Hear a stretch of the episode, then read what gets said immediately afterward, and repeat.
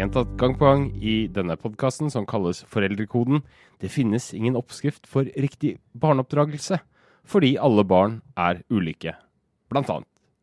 Men Hedvig Montgomery, hei. Hei. hei.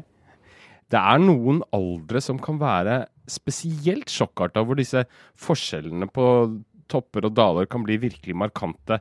De store overgangene i barnas utvikling hvor ting plutselig ikke funker lenger. Er ikke det riktig?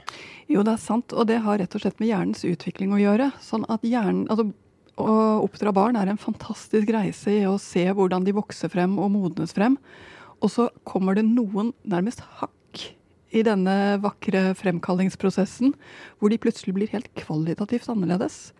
Vi snakker om de spennende alderne 3, 6 og 13. Ah, det blir spennende. Vi skal ta for oss disse aldrene i tur og orden. Du som hører på Foreldrekoden, du har sikkert barn i hus, og eh, da er mobilregninga kanskje et eh, kjent, men ikke så veldig kjært tema. For det kan jo fort bli kaotisk å holde styr på hvem som har brukt hva, og hvor mye de ulike tinga koster, men det slipper du med familiepakka fra OneCall. Ingrid Hammertorp i OneCall, hva er det du får med denne familiepakka? Altså For det første så får du jo samla hele gjengen på én regning, og da er det jo mye lettere å ha kontroll på mobilbruken til hele familien. Og så er det jo ofte sånn at barna bruker litt mer data enn hos voksne, eh, så med familiepakka velger du en felles datamengde for familien, og så kan dere fritt fordele mobildataen mellom dere i løpet av måneden. Så hvis storesøster da har brukt litt mye data tidlig i måneden, så kan du enkelt overføre mer til henne fra fellespotten. Ja, og da gjør du alt gjennom OneCall-appen, eller? Ja, enten i appen eller på mine sider.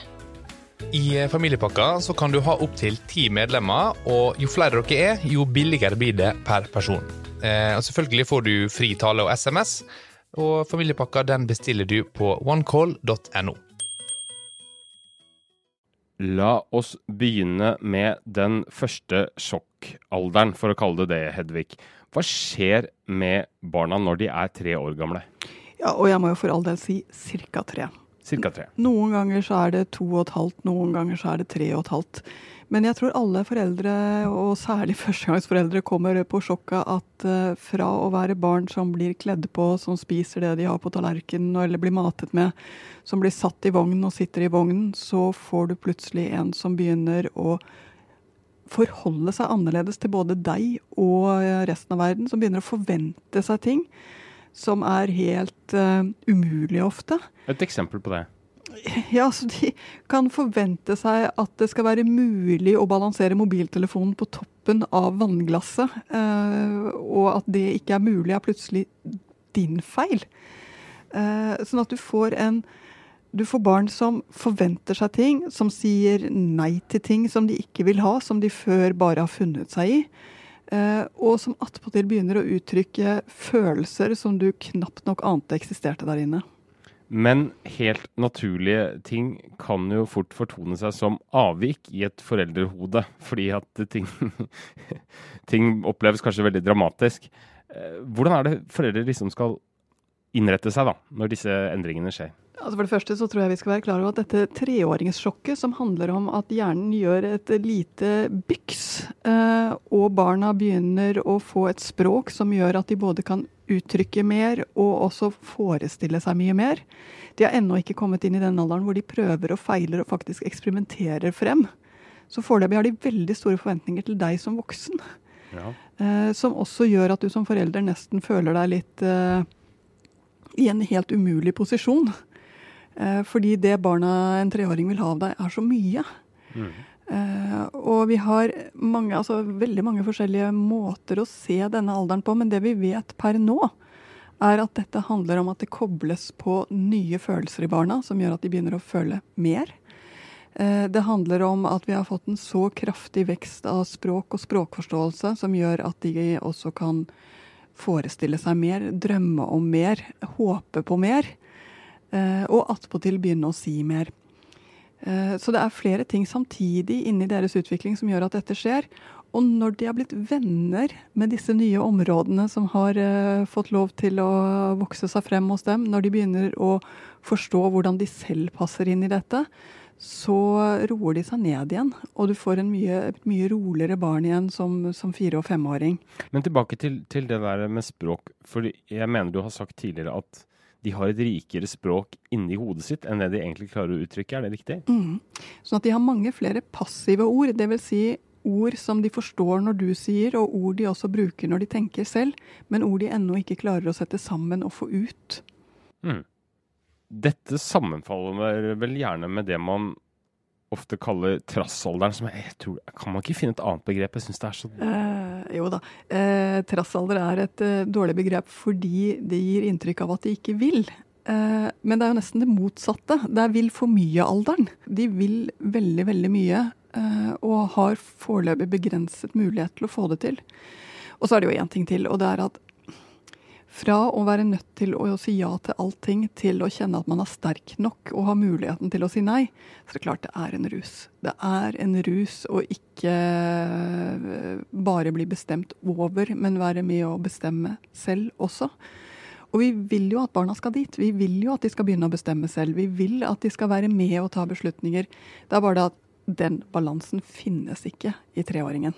Du sier det er en rus, men har de da også evnen til å utnytte situasjonen av at de har fått et rikere følelsesliv og fått et uh, tilførsel av nye hjernekoblinger. Altså at de nesten kan tvinne uh, foreldre rundt lillefingeren, nei, snurre heter det kanskje, rundt lillefingeren uh, allerede da. Altså, for å si det sånn, De kan jo tvinne mamma og pappa rundt lillefingeren fordi de også er så himla søte og bestemte på en gang. Ja. Eh, så det kan de, men det er ingenting de planlegger. Eh, men gleden over å få det til kan jo absolutt være til stede.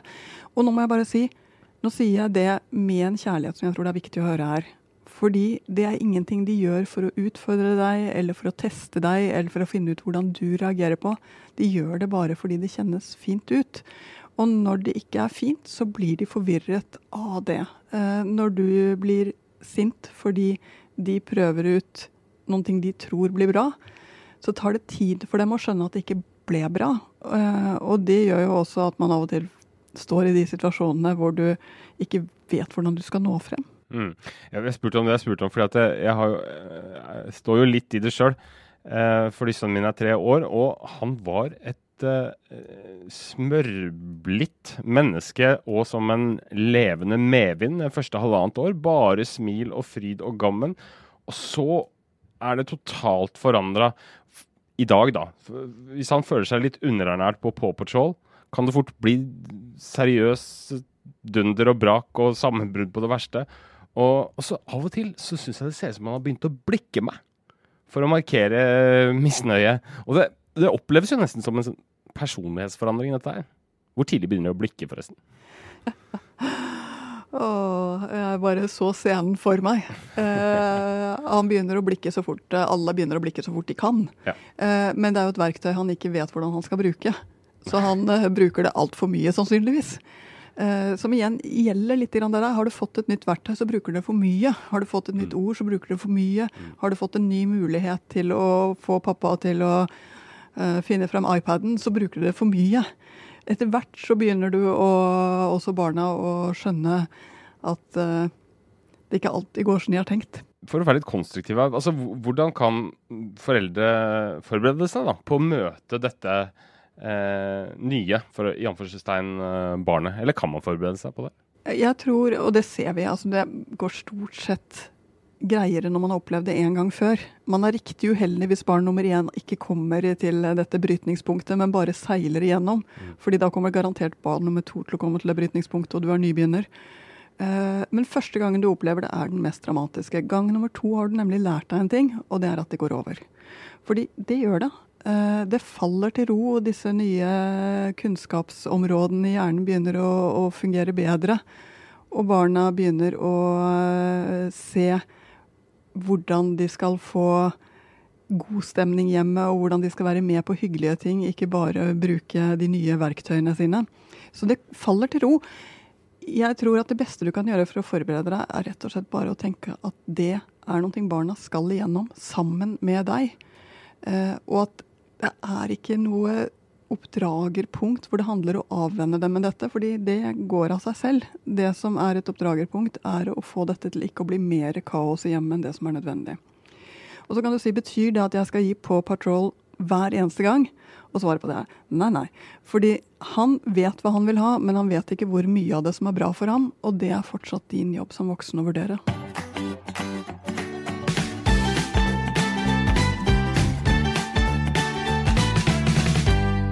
Du, du, sa at det roer seg i fire-femårsalderen, eh, og det flater ut. Men så kommer det en ny sånn krasjfølelse i seksårsalderen, som tilfeldigvis også sammenfaller da med skoledebutalder. Og det kan vel være ganske røffe greier. Hva er det som skjer med barna da? Jeg må si, Dette var røffe greier allerede før det sammenfalt med skolestart. Eh, det som skjer i seksårsalderen, er at barna går fra å være se ting veldig fra innsiden, se ting veldig fra hvordan sin egen opplevelse, til å begynne å se seg selv fra utsiden. Mm. Uh, så de får det der blikket, ikke bare at uh, det er uh, fint å sitte og leke, men leker jeg på en bra måte? Ser jeg bra ut når jeg leker? Ja. Så, så, de får helt nye et helt nytt blikk på seg selv og en helt ny forventning til seg selv. og det gjør også at de begynner å forstå at ting går begge veier. Uh, ting kan uh, ses fra flere vinkler. Man kan se mønstre i ting på en ny måte, som de begynner å se. Og så er de ute i én ting som er følelsesmessig utrolig interessant. De begynner å svinge mer følelsesmessig. De går for å ta kontroll over de store følelsene og de store ordene. Så de prøver seg på at de hater og de elsker. De prøver seg på disse virkelig store, flotte disse brede følelsene. Og det er ikke noe lett for en nybegynner. Eh, de prøver seg på de store ordene som de kanskje bare har hørt rundt seg, om at de vil drepe, eller at eh, de selv bare vil dø, eller at ingenting er mening. De prøver seg på de store store følelsene og på de store uttrykkene. Det kan, det kan jo skremme eh, fanden på flatmark og en hvilken som helst forelder, det? Absolutt, eh, og spesielt fordi det kommer litt uventet. Mm. Eh, her har du hatt en ganske fornuftig barn som har forholdt seg ganske rolig til verden, eh, og så får du dette. Og det er klart, Har barnet svingt mye fra før, så kommer det til å svinge enda mer. Og har det svingt lite fra før, så kommer det til å svinge mye. Men uansett så er det en overraskelse mm. for foreldrene som jeg tror nesten ingen klarer seg unna. Eh, det som også er interessant med denne utviklingen i hjernen, som virkelig er en av de største barna har i løpet av hele tiden, det er også at de blir slitne av det. Eh, de eh, kan glemme ting, hva de holder på med. Det er ikke så uvanlig at seksåringen nesten glemmer hva hun holder på med mens hun kler på seg og begynner å gjøre noe annet. Rett og slett blir litt distré, litt professoraktig. eh, som igjen er et uttrykk for denne utviklingen som skjer, og at de strever med å finne seg selv oppi alt dette koket. Mm, men hvordan skal foreldre finne seg selv, for å si det på den måten? De, hvilken rolle skal de innta i dette her? Uh, her er det noen ting som er viktig. Det ene er å gi seksåringen litt slack. Ikke forvente forvent at alt er perfekt og alt er på stell, fordi det er det sjelden hos seksåringen. Uh, og fyll ikke på med for mye som skal skje, for de trenger rett og slett fritid. Det andre det er at når seksåringen snakker, så er det seksåringen med seksåringens øyenhøyde og seksåringens forståelse Så ikke ta det så bokstavelig. Eh, du skal skjønne at ja, det er vondt å være ute og rote i disse ytre følelsene. Og det gjør at de virkelig trenger at du ikke også mister deg selv og går ut i de ytterste følelsene. Du må stå på midten og være trygg. Mm. Som en bauta. Har du små barn i hus og lurer på hvordan dere kan sikre økt økonomisk trygghet hvis alvorlig sykdom eller ulykke rammer familien? Mange foreldre forsikrer huset, bilen og ja, til og med mobiltelefonen du bruker akkurat nå. Men hva med barna, som er det mest verdifulle vi har? Kjøper du barneforsikring av oss i Storebrand, kan du gi barnet ditt forsikringen som ble kåret best i test og fikk terningkast seks av Norsk familieøkonomi. Bestill kjapt og enkelt på storebrand.no i dag. Du skriver i eh, en av eh, bøkene dine, Foreldremagi-serien, om, eh, ja, om, skolestart, vel egentlig, men at det ikke er lenger er skumle skygger, små skrubbsår eller et forsvunnet kosedyr som plager barna. Hva er de, liksom, de nye sorgene, den nye verden som de tar inn for, uh, i denne alderen? Den nye verden er jo å begynne å forholde seg til et, uh, altså verden der ute. De begynner å se at verden er mer enn det som skjer hjemme, og at det å passe inn i gruppen, det å være en del av eh, det som skjer i samfunnet, Mm. bety plutselig betyr noen ting. Eh, så de begynner å være redd for å ikke være gode nok. De begynner å være redde for eh, å ikke passe inn. Eh, de begynner å bli redde for at eh, de andre gjør noe som de selv ikke får lov til å være med på. Plutselig de den, begynner de å få denne forståelsen for dette ganske komplekse sosiale.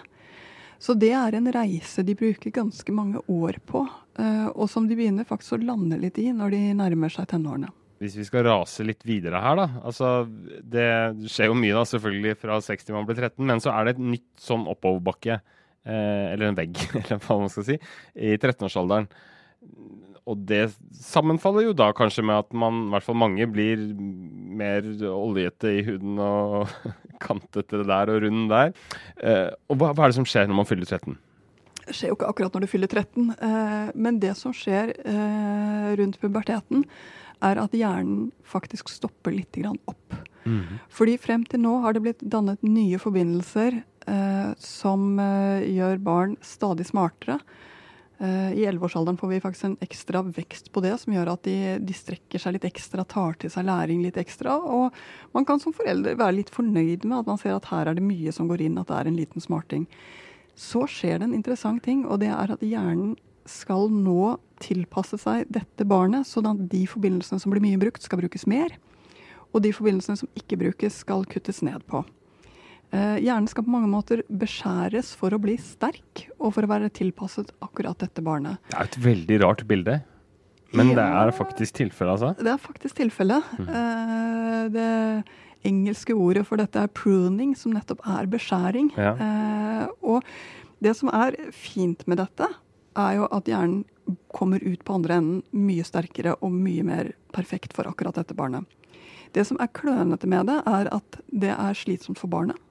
Fordi akkurat nå så, så får du ikke den der veksten og medvinden som du frem til nå faktisk har hatt. Eh, det gjør at du glemmer ting. Ting du kunne for et år siden, sitter plutselig ikke like godt lenger. Det kan være vanskelig å lære seg ting, og attpåtil så er jo, som du er inne på, kroppen ganske uforutsigbar i denne alderen. Eh, så det, det, er noen ting her som gjør at glemskhet blir ganske fremtredende. Humørsvingninger, absolutt. Og opplevelsen av å bli tatt på fersken av å ikke være bra nok eh, for folk i alle aldre til å være sint. Og her, her er de nesten nødt til å kjenne på det. Mm. Eh, så det er en alder hvor mange foreldre dels føler at de kanskje mister barnet sitt litt. Ja. Eh, og dels kjenner at de kanskje ikke har gjort en god nok jobb. Det er mange foreldre som strever litt med skam i den alderen. Mm. Eh, fordi dette kan du jo egentlig. Eh, jeg skulle ha lest mer lekser med deg, eller jeg har jo fortalt deg tusen ganger at eh, Eller har jeg ikke gjort det på riktig måte? Altså, du blir så i tvil om hva du egentlig har gjort som forelder, og om det egentlig sitter. Eh, den gode nyheten er at det gjør det. Det, det, kommer gradvis tilbake igjen.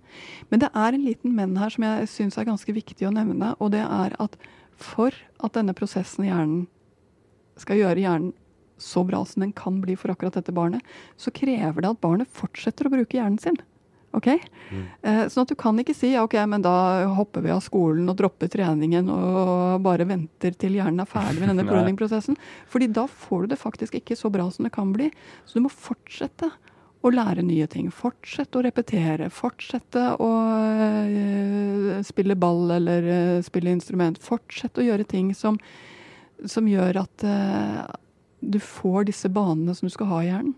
Sånn at når hjernen beskjæres som en hvilken som helst chiliplante, eller, eller agurkplanter skal ikke beskjæres, så må man ikke stoppe å vanne og gi den næring.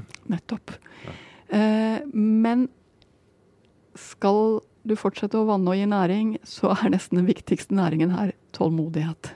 Men er de bevisst det selv? At de blir dummere? altså, eller mer glemske og mer ja, litt svakere, da kanskje? Jeg tror nok det. Eh, de lærer seg jo mye mer om pubertet eh, og utvikling nå enn noen gang før. Og har en selvbevissthet som er nesten rørende til tider. Eh, men jeg tror allikevel at den der følelsen av å være usikker, av å ikke få til, av å ikke være god nok, av å gjøre det dårlig på prøvene, av å ikke bli valgt, eh, er akkurat like vond som den alltid har vært. Så selv om eh, vi nok har ungdom som, eh, som du er inne på, er mer bevisst, så hjelper det ikke på de følelsesmessige reaksjonene. De går akkurat like fort som før. Og din viktigste jobb er å være med ungdommen din gjennom også dette. Og så kommer det en vekst, vet du. Og når det begynner å sette nye skudd, så er det en så utrolig deilig følelse for både ungdom og voksne. Ja, når skjer det, da? 16-årsalderen ca. Hold ut noen år, hold ut. Da skal vi ha ukas spørsmål.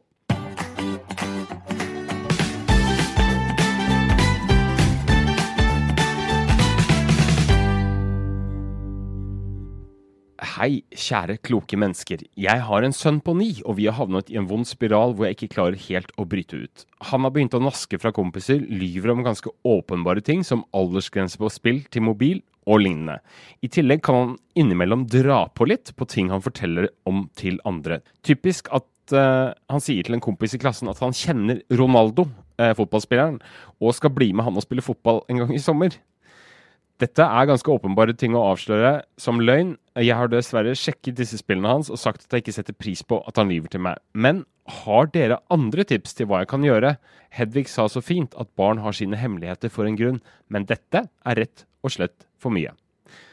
Det var en rådvill mamma som hadde sendt inn dette spørsmålet til foreldrekoden at aftenposten.no. Det kan du også gjøre hvis du har noen spørsmål.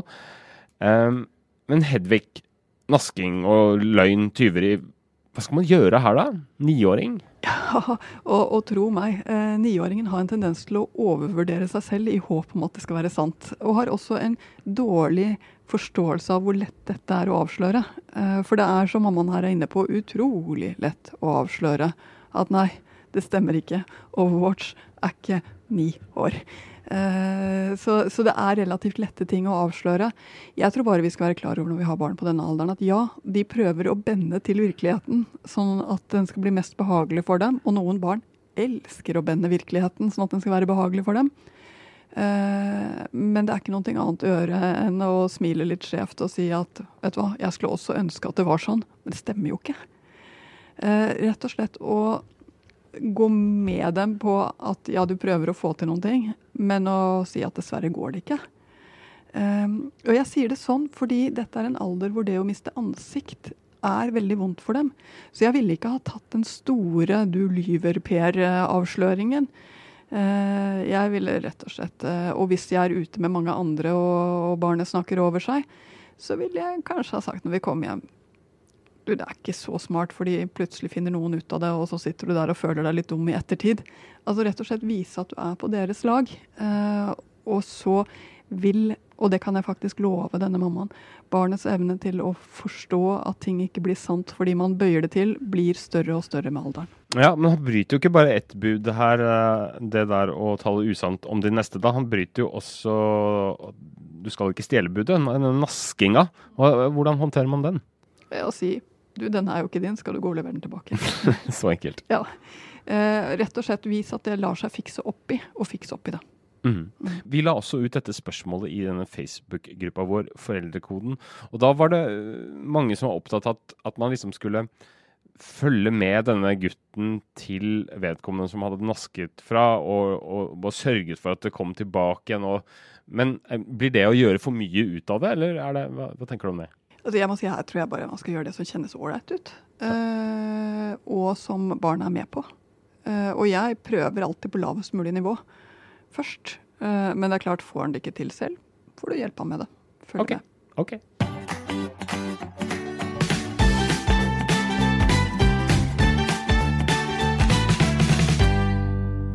Tre eksplosive aldre har vi dratt oss igjennom i denne episoden. Og Hedvig, hvis du skal trekke ut ett råd til treåringsforeldre, ett råd til seksåringsforeldre og 13-årsforeldre, hva vil de være? Treåringen først. Treåringen er uh, vær med på den fine utviklingen fra å bare være et barn som man kan gjøre ting med, til å være et barn som er med og gjør ting. Det er en fin reise. Se det fine i det. Seksåringen? Gi litt slack eh, seksåringen har en strevsom tid, eh, og som gir et veldig viktig resultat for seksåringens utvikling, fører til evnen til å lære seg ting som virkelig er stor. og 13-ish-åringen? Ikke ta det personlig. Uh, dette er ikke noe 13-åringen driver med for å vise at du er en dårlig forelder eller for å straffe deg, men fordi det må til for å bli et skikkelig smart menneske. Hva syns du man, hvis man skal ha en generell felle, man absolutt ikke må tråkke i, som kanskje gjelder for alle tre alderne, eller er det ikke mulig? Jo, én altså, generell eh, felle det er å ta øyeblikksbildet og for fort si at 'jeg har fått et barn som er sånn', når du har et barn som bare går gjennom en helt nødvendig fase. Herlig. Det var det vi hadde for i dag. Hyggelig at du hørte på. Håper det ga mersmak, for vi kommer igjen med ny episode om en uke. Er det noe du lurer på? Har du, har du en tilbakemelding? Eh, hva som helst, send en mail foreldrekoden etter aftenposten.no. Bli gjerne med også i denne Facebook-gruppa vår. Der skjer det mange fine diskusjoner. OK, takk for i dag. Ha det.